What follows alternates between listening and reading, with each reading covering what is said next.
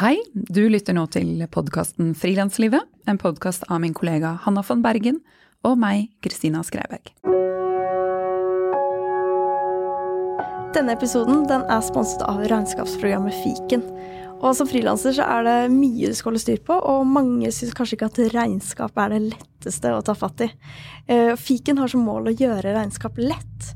I Fiken kan du sende fakturaer, du kan ta bilde av kvittering med Fiken-appen, levere moms og skattemeldingen, og alt fra samme sted. Og du kan prøve gratis i 30 dager på fiken.no.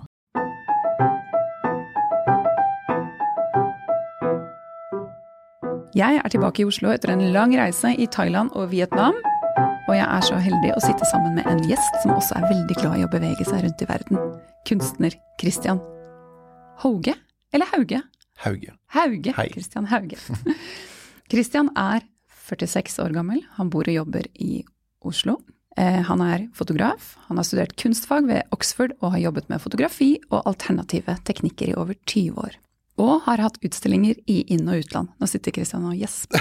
Mm, herlig. Unnskyld. Christian er opptatt av hvordan vi mennesker forholder oss til naturen og til oss selv. Han har kommet tett på ulveflokker og latt dem snuse, bite og slikke ham i munnen. Og han har dokumentert miljøforskning på Svalbard. Og i hans ferskeste prosjekt har han satt fyr på sin samling utstoppede dyr og dokumentert prosessen. Dette prosjektet, som vi skal snakke en del om i dag, stilles ut akkurat nå ved Gallery Gallery! Gallery. Gal Herlig. Galleri Fine Art i Oslo og står frem til 24. mars. 24th. 24th of March, Yeah. everyone. Hello, Christian. Hei. Hei, nabo. Hei. Du, um, fra spøk til alvor. Mm. Du, Hvordan, eh, kan ikke du fortelle om hvordan du eh, ble den du er i dag? Oi, oi, oi. Grab a chair. Det har du jo for så vidt gjort. det har jeg gjort. Neida. da, Hvordan, hvordan ble du fotograf? Hvorfor ble du fotograf? Jeg eh, skulle egentlig bli kiropraktor. Og um, hadde lyst til å jobbe med mennesker. Men det forandret seg ganske kjapt når jeg reiste jorda rundt med en kompis og hadde med et bitte lite kamera med sort-hvitt film.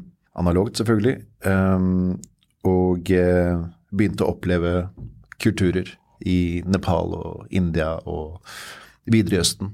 Og da, etter det, så skjønte jeg at dette her må jeg bare ha mer av. Begynte å oppdage kulturer som jeg var veldig interessert i, og ville egentlig bare tilbake og dokumentere mer, eh, ta flere portretter og sette meg inn i alt fra ritualer til eh, dagligdags liv. Det var noe der som, eh, som jeg føler at jeg fant meg selv i, og fant da en måte å kunne finansiere det videre, da. Så da jobbet jeg kommersielt her hjemme, ehm, og så reiste jeg i mange måneder om gangen.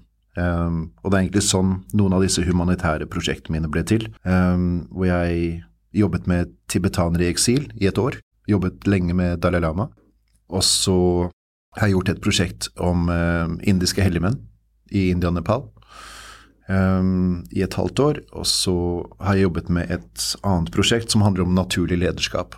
Hvor jeg har intervjuet um, Aung San Suu Kyi i um, husarrest, Ravi Shankar, Arne Næss for så vidt, Dalai Lama. Et av spørsmålene som går igjen der, som jeg bruker i prosjektet nå f.eks., um, det er jo spørsmålet om hvilke spørsmål vi skal stille oss selv for å komme videre i utvikling. Uh, det er ganske store spørsmål, men Eh, det er mulig å bruke det i kunsten òg, i hvert fall i det jeg gjør. Det syns jeg er interessant. Hvor tidlig måte i din karriere startet du med disse sånn langsiktige prosjektene? Jeg tror det begynte helt fra begynnelsen av, men det har utviklet seg. Jeg har jo kanskje fått et litt sterkere språk eh, visuelt, men jeg har alltid jobbet eh, med eh, mixed media, forskjellige eh, metoder, ikke bare foto, da.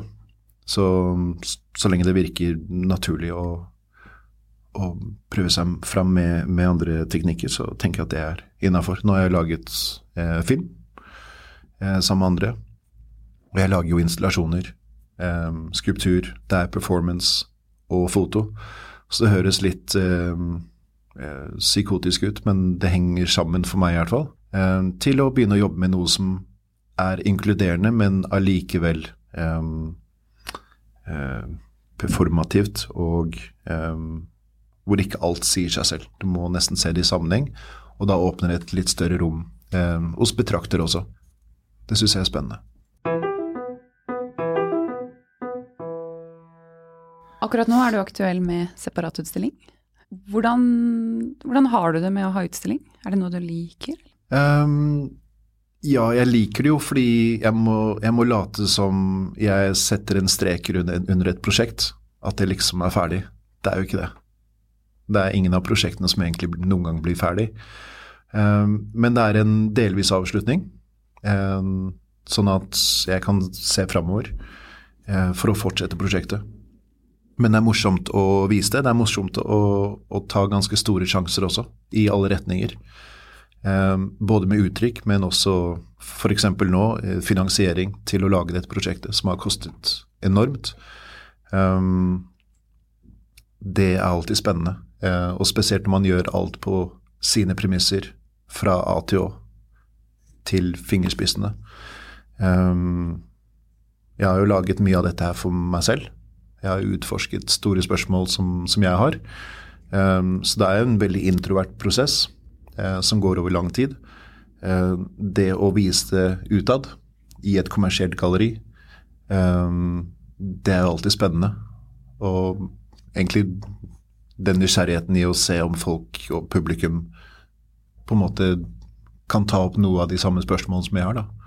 Um, så det å formidle syns jeg er kjempegøy. Så det er et veldig introvert prosjekt, eh, eh, prosjekt, og så er det en prosess videre med å egentlig være veldig ekstremt ekstrovert. Eh, og legger man følelser inn i ting, så, så må man altså tåle at, ikke, at ikke alle forstår det eller liker det. Og det, det er egentlig helt greit. Tidligere så var jeg veldig opptatt av at alle skulle forstå hva jeg gjorde.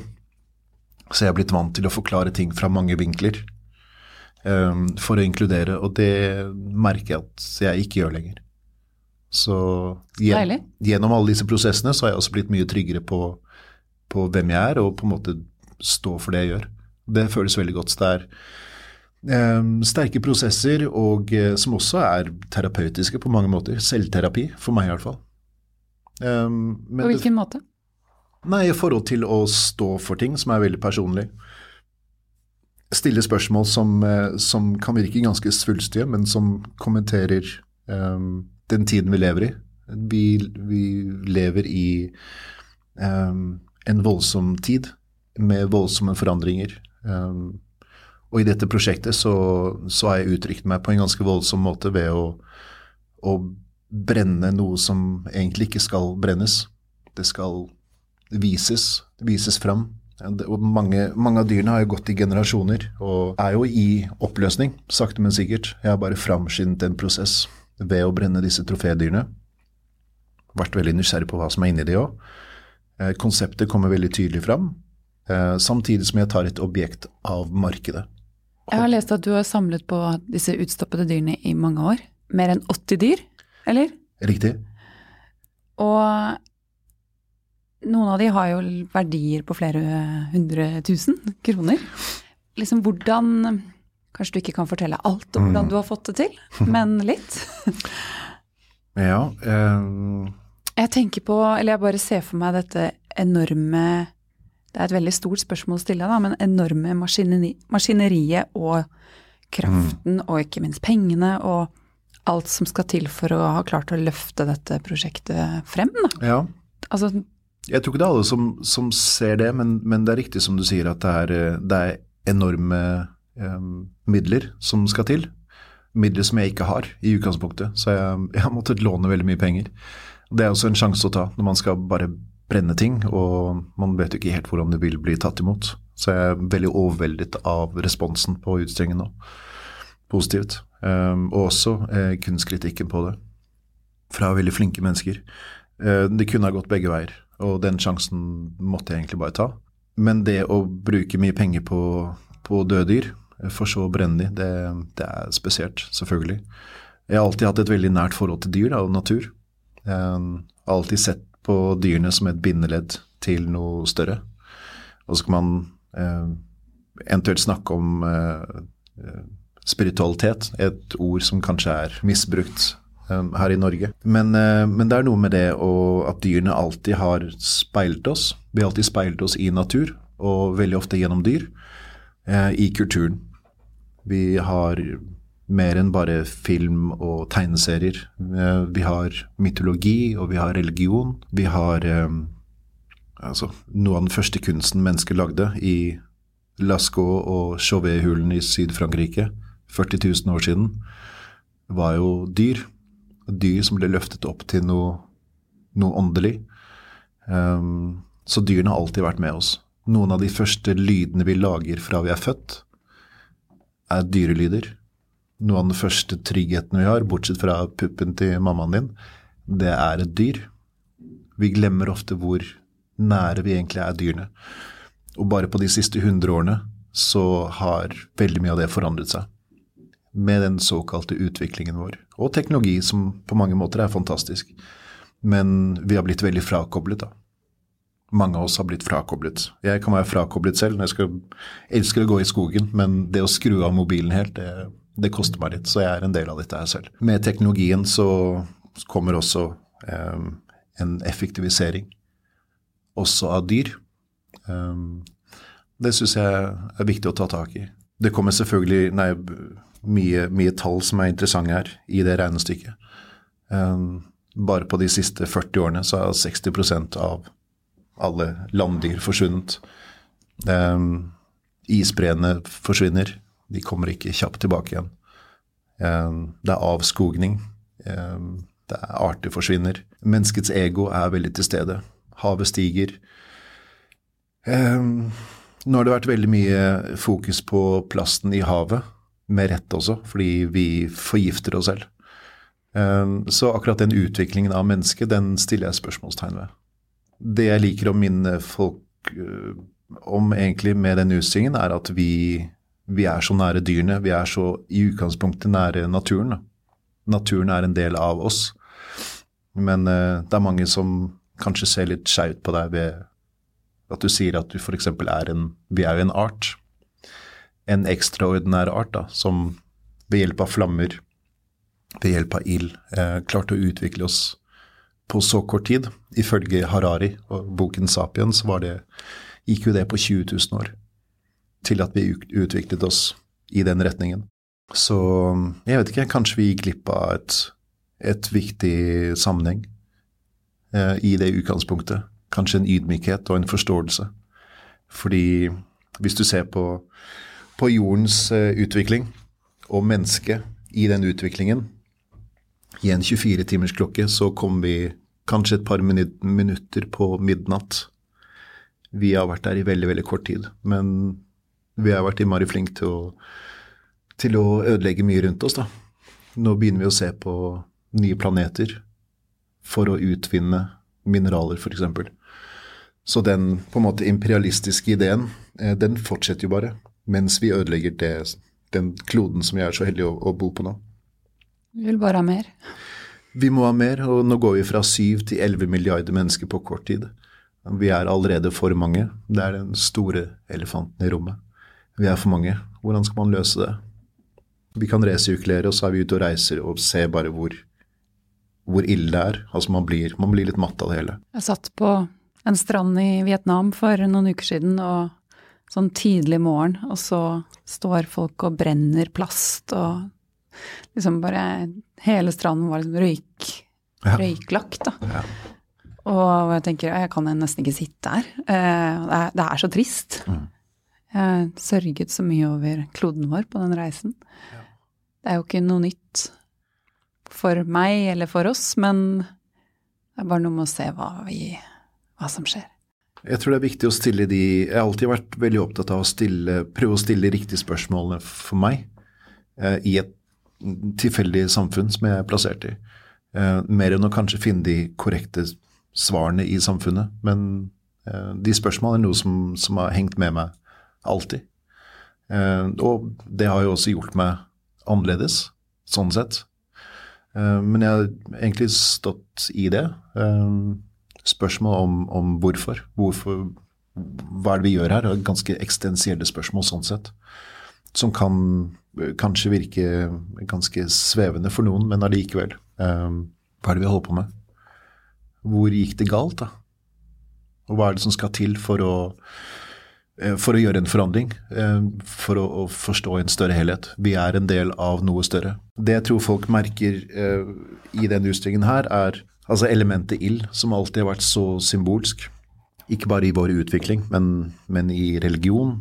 Dette elementet som ødelegger, men som også må til for å gi liv. Uh, dette elementet som gjør oss trygge.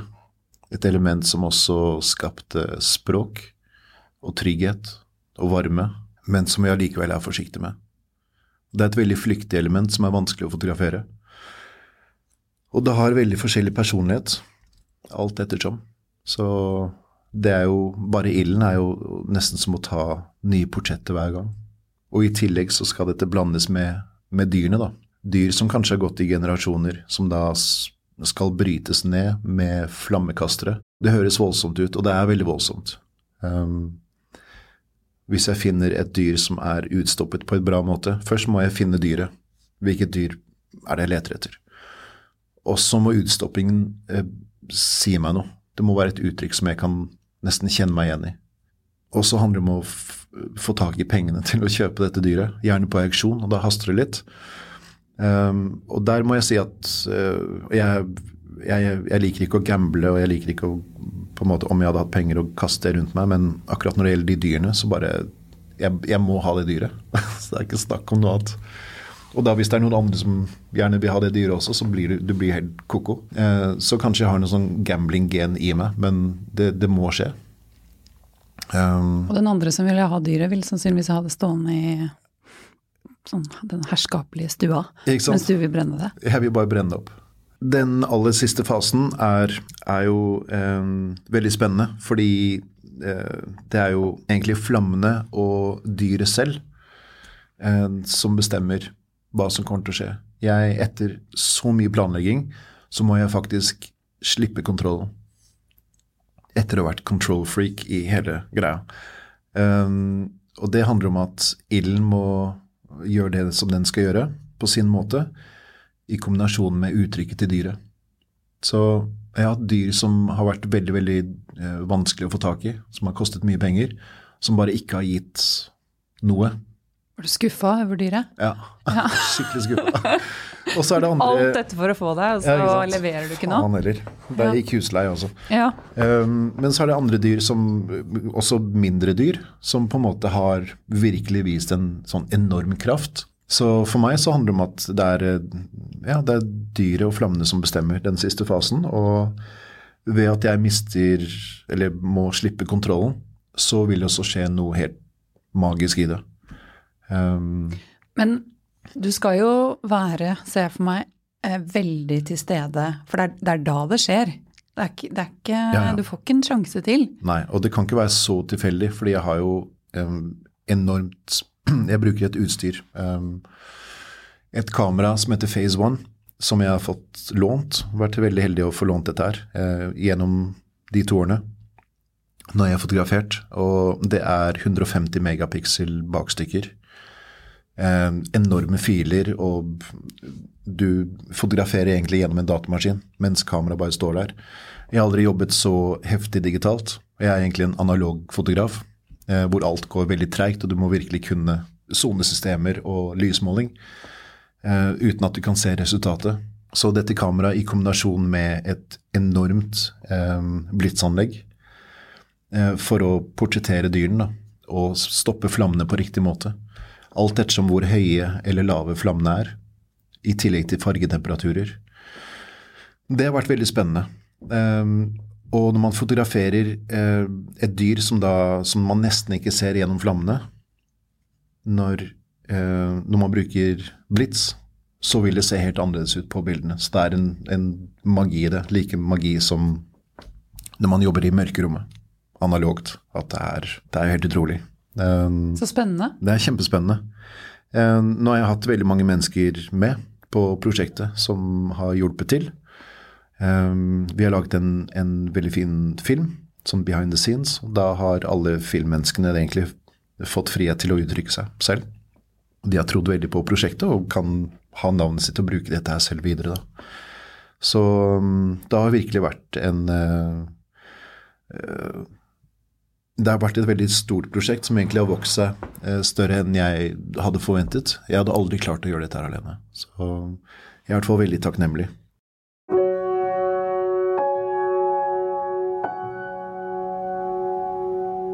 Denne episoden den er sponset av kontorfellesskapet Arctic Coworking Lodge, som holder til i Lofoten.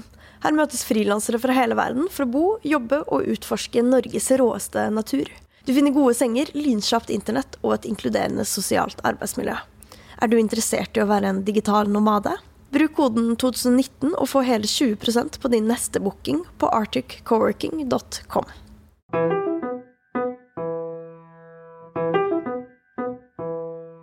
Hvor altoppslukende har kanskje spesielt dette prosjektet vært? Liksom, altså, hvor, hvilken inngripen har det hatt på ditt liv? Har dette vært ditt liv? Ja. Ja. Det er ganske all in. Du går og tenker på dette her hele tiden. Så det ikke bare dyrene, men, men i forhold til finansiering, hvordan man skal prøve å lage noe um, som man ikke har noe svar på. Men allikevel så har du en eller annen, et eller annet bilde, en visjon om, om hva du har lyst til å gjøre. Og så er det prosessen som kanskje er det mest interessante i dette. her. Fordi man, man tenker at man skal løse det på en måte um, helt fra begynnelsen av, og så kom man fram til, etter å ha begynt med det, etter å ha begynt å feile, da. Eh, og det skal man ikke kimse av. Eh, den feilingen er kjempeviktig. Man feiler egentlig mest, tror jeg, eh, i begynnelsen. For å bli kjent med flammene, hvordan man skal gjøre dette her, hva man påfører. Jeg har brukt masse forskjellig. I år så fikk jeg eh, kontakt med pyroteknikere fra et stuntfirma som viste meg en helt ny verden i brenning. da. Så jeg tror det bor en lidenskap pyroman i meg. Det var jævlig interessant. I fjor så måtte jeg finne ut alt det selv. Med alt fra lampeolje til noe som heter kolodial eh, gel. Et pulver som man stoffer båt med, som ikke er spesielt sunt. Um, fordi man må Ja. Alt ettersom hva slags dyr det er, da. Så må du Ny påføre prosess for hvert dyr? Ja. Ja. Så man kan også gå Man kan ta feil. Man kan bruke feil um, tapet, som jeg skal komme litt inn på etterpå. Um, tapeter fra House of Hackney um, som også må passe til helt spesifikt til det dyret. da. Så det er også en prosess. Jeg begynte å se på eh, først på jaktslott i Europa. Og jeg hadde tenkt å brenne ett og ett dyr blant mange andre dyr på veggene. Det ble for mye informasjon. Og så så jeg på slott i Sverige. Veldig flotte interiører, men det ble nesten for pent. Tenkte jeg, Hvordan kan jeg vise dette? Noe som representerer institusjon, kultur. Ikke bare overklasse, men, men kanskje litt mer sånn koloni- og imperialistisk idé. da. En tid hvor vi skulle egentlig gå ut og eh, ta over. Ta over land. Eh, vi hadde slaveri. Vi skulle gjerne skyte all den delen av naturen som ikke ville kues menneske, og så skulle de stoppe det ut og ha det hjemme hos oss for å vise hvor sterke og flotte vi var. Det har jo vi holdt på med ganske lenge. Det, det begynner å slå sprekker, da. Så det er jo litt av kommentaren i, i prosjektet også. At vi har kommet til en ny tid. At kanskje gjennom et, eh, et kreativt prosjekt at man kan se litt hvor man kommer fra i historien. Og kanskje man kan bli påminnet Kanskje det er en liten pekepinn om veien videre, da. Eh, Men også hva vi er. Ikke for å gi folk dårlig samvittighet, men at man ser på det med undring. Og det er noe med dyr da F.eks. zoologisk hage, som jeg for så vidt har vanskeligheter med. Jeg elsket zoologisk hage, for jeg ville bli dyrepasser da jeg var liten. Bare mate dyrene og bli kjent med de. Men uh, etter å ha lest tekstene til John Berger, um, som også er i boken, så, så har alt det forandret seg ganske mye. Jeg har lært veldig mye i den prosessen her. Mye inspirasjon fra kunst, mye litteratur. Um, så jeg lærer jo mer om, omverdenen. verden. Altså jeg får jo virkelig dykket inn i interessefelt som, som åpner seg. Da. Så jeg føler meg veldig heldig i det. Det er jo litt av den utforskingen som man gjør i et prosjekt. Det trenger ikke være bare et kunstprosjekt, det kan være uansett hva man stålsetter seg for. Um, men tilbake til um, tapetene. Så etter jaktslott og slott i Sverige, um, så begynte jeg å se på tapeter. Jeg har jo ikke noe interesse i tapeter, egentlig. Og så begynner jeg å se på dyremerker og Burberry, og det er ikke måte på kinesiske håndlaget tapeter i gull. Altså, det er mye å velge. Det er en hel verden. Og så fant jeg House of Hackney, som da er engelsk. En utrolig kul design. Um, som allikevel er liksom punka. Det er en referanse til kolonitid. De liker å gjøre ting litt annerledes. Um, ganske over the top. Det følte jeg passet veldig bra. Det var et bakteppe uh, i litt gjentagende form, med, som kunne få dyrene til å virkelig um, få sin space. Men allikevel et bakteppe som sa noe om denne kolonitiden, imperialisme. Alt det korrekte, da. Uh, som ofte utstoppede dyr har med å gjøre.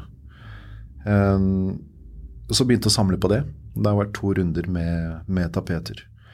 Og da har jeg også brent tapetene sammen med dyrene, og på en måte brutt ned eh, noe som også representerer institusjon, da. Eh, sammen med dette objektet. Dette merkelige objektet som er et utstoppet dyr, men hva betyr det egentlig? Hva, hvis du spør noen hva, hva et utstoppet dyr inneholder, det er litt vanskelig. Er det innvoller? Er de bare frosset? Er det liksom, er det et, middel som går inn i som bare gjør at alt stivner, eller Um, man tenker ofte ikke at det bare er et, et, dyr som er flådd, og så strukket over en menneskeskapt form.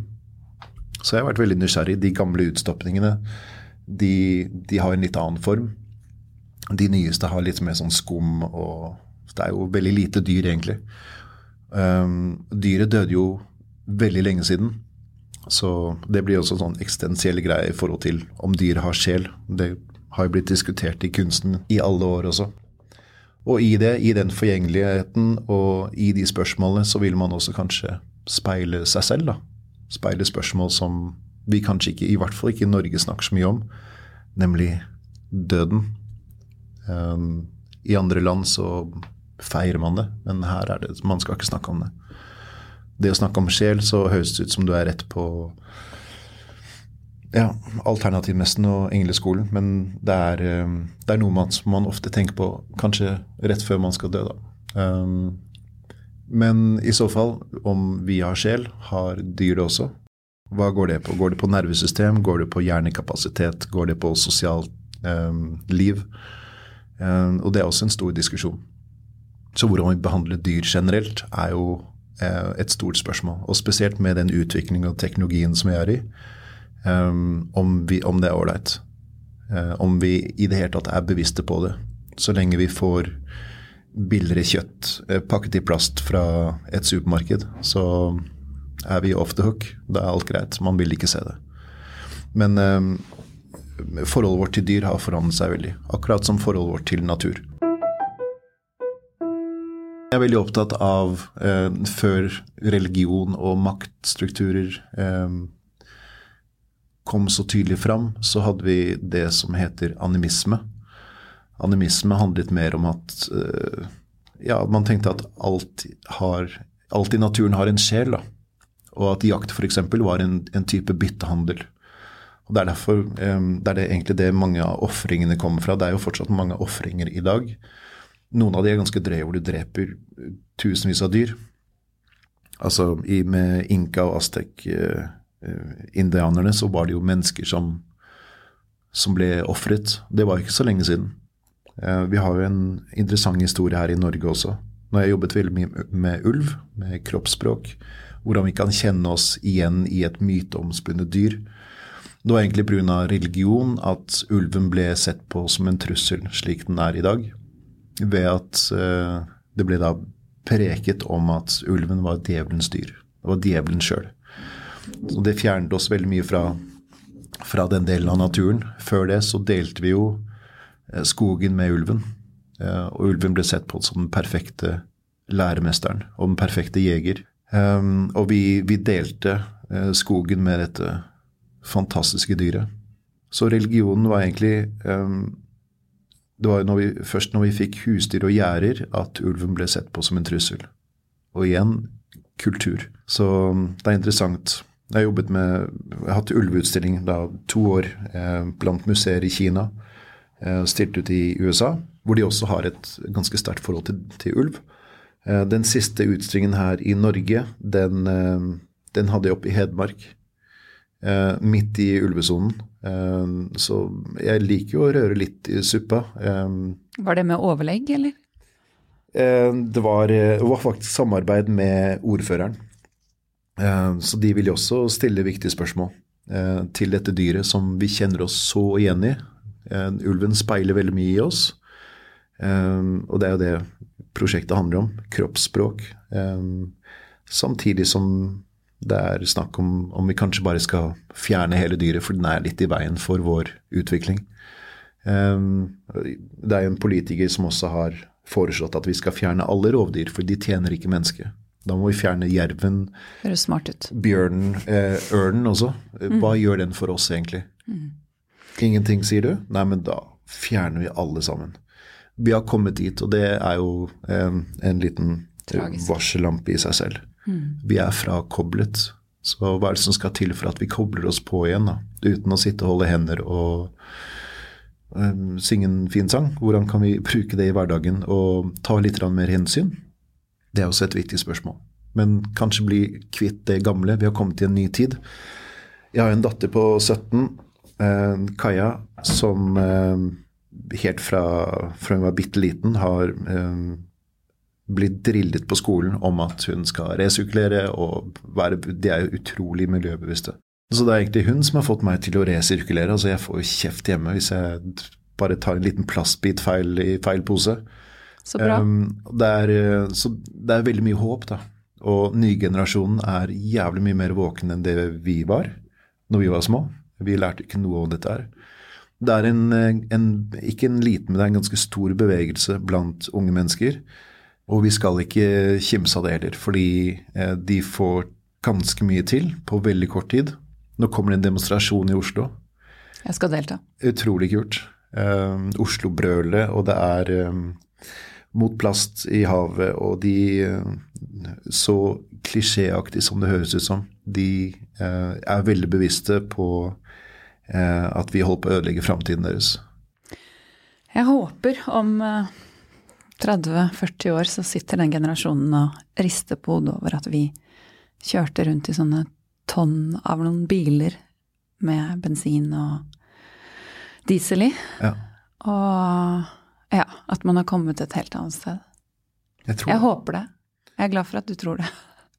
Jeg har, jeg har masse håp, men um, det er jo noen veldig få firmaer som har enormt med makt, som kan gjøre store, store forskjeller òg. Så eh, dette med dialog da, eh, og kunst, eh, og spesielt i det prosjektet her, jeg ønsker jo å skape dialog.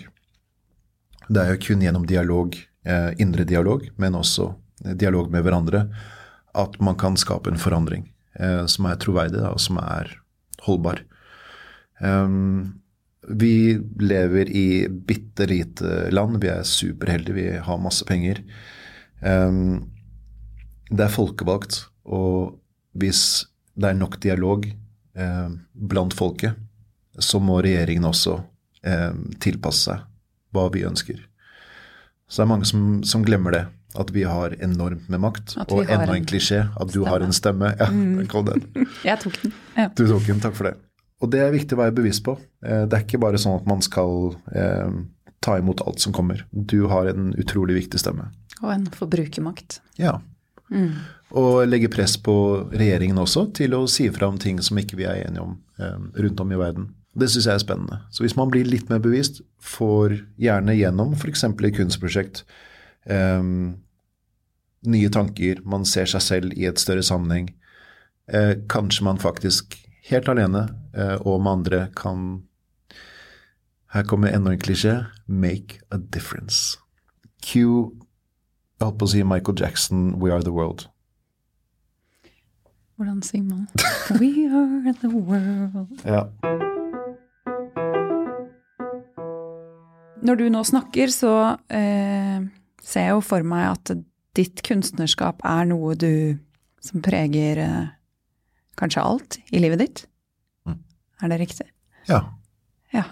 Jeg går jo og tenker veldig mye på dette her, da. Ja, hvor mye? Det har jeg sittet og lurt på. Hvor mye av din tankekraft Mm. går til Jeg tenker at jeg, jeg utforsker jo noe som, som jeg er veldig opptatt av, som jeg syns er interessant. Så jeg går jo og tenker på dette her hele tiden, egentlig. Um, og um, prøver å finne på måter å, å uttrykke meg. Og da også kanskje til og med formidle noe. Men um, mye av det handler om å egentlig bare prøve å forstå meg selv i et større sammenheng.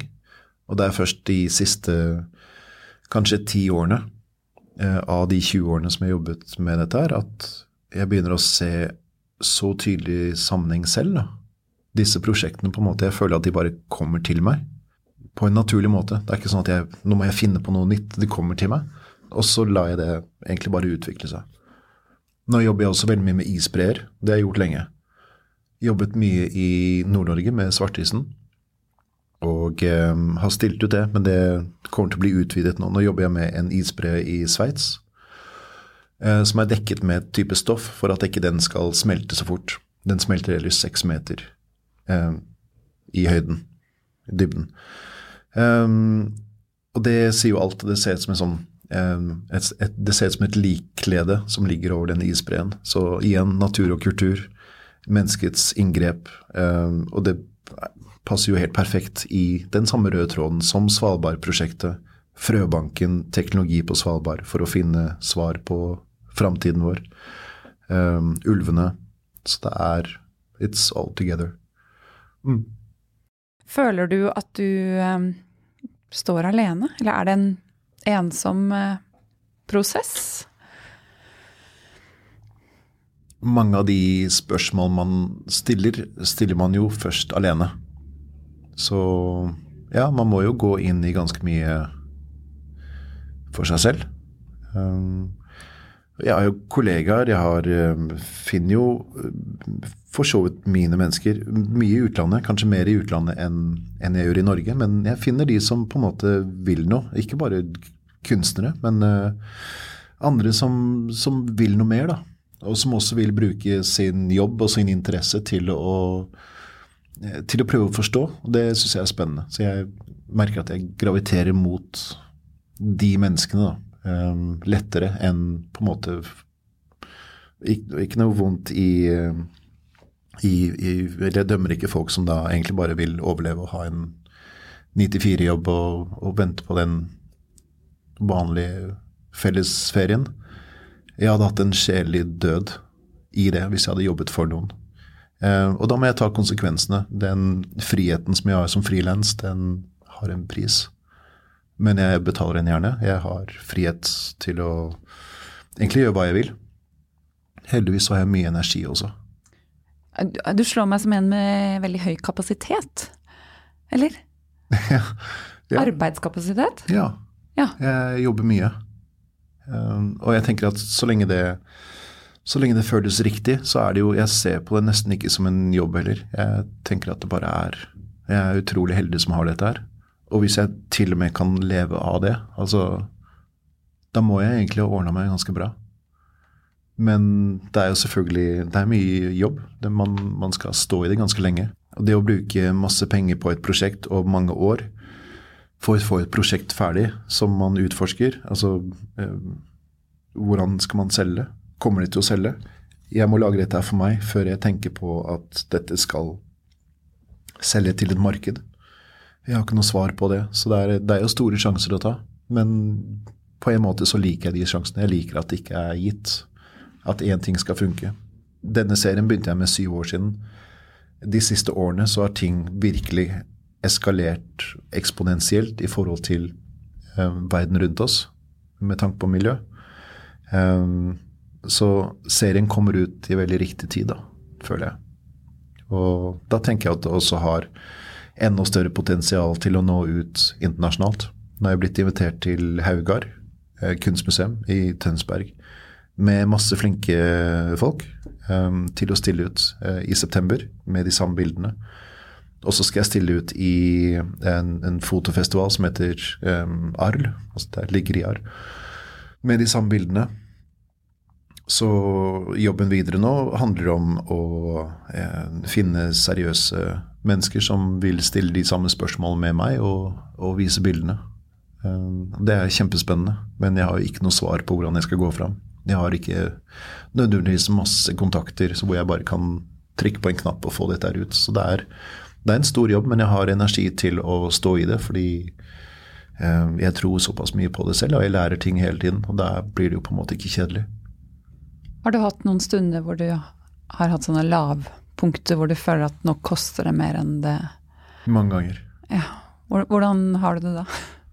Um, jeg, da tenker jeg at jeg At resten av verden bare ikke er Vi er ikke på samme bølgelengde. Jeg lager dette her så ekte, så riktig og så gjennomført. Um, men at det kanskje ikke blir tatt imot akkurat da, det er selvfølgelig en det er jo lett å bli skuffa og lure på hvorfor det ikke funker utad. Men sånn er det jo også. Det er ingen garantier.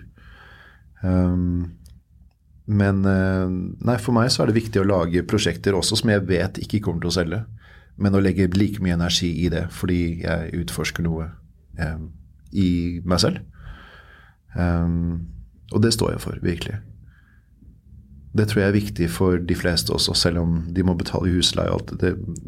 Finn en måte å gjøre det på. Bare ikke gå på akkord med deg selv. Hvis du først skal uttrykke det, um, gjør det på dine premisser. Da vil du også ha mye mer integritet. Akkurat som å stå for de som ikke er kunstnere, også bare stå for noe. Um, det gjør deg til et utrolig mye mer interessant menneske. Stå på ditt. Bygg personlighet og integritet og stå gjerne um, alene mot en stor gruppe mennesker, så lenge du tror på det ekte. Do it. Livet er kort.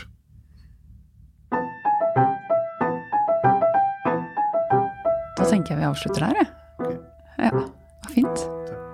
Takk for at du var her.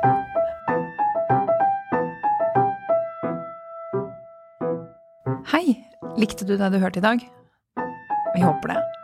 Hvis du gjorde det, så blir vi veldig, veldig veldig glade hvis du har lyst til å gå inn i iTunes og rate episoden, rate innholdet, og kanskje skrive en liten tilbakemelding. Eh, det gjør at flere ser episodene, og at flere lytter til oss, og det gjør at vi kan fortsette å lage denne podkasten. Tusen takk.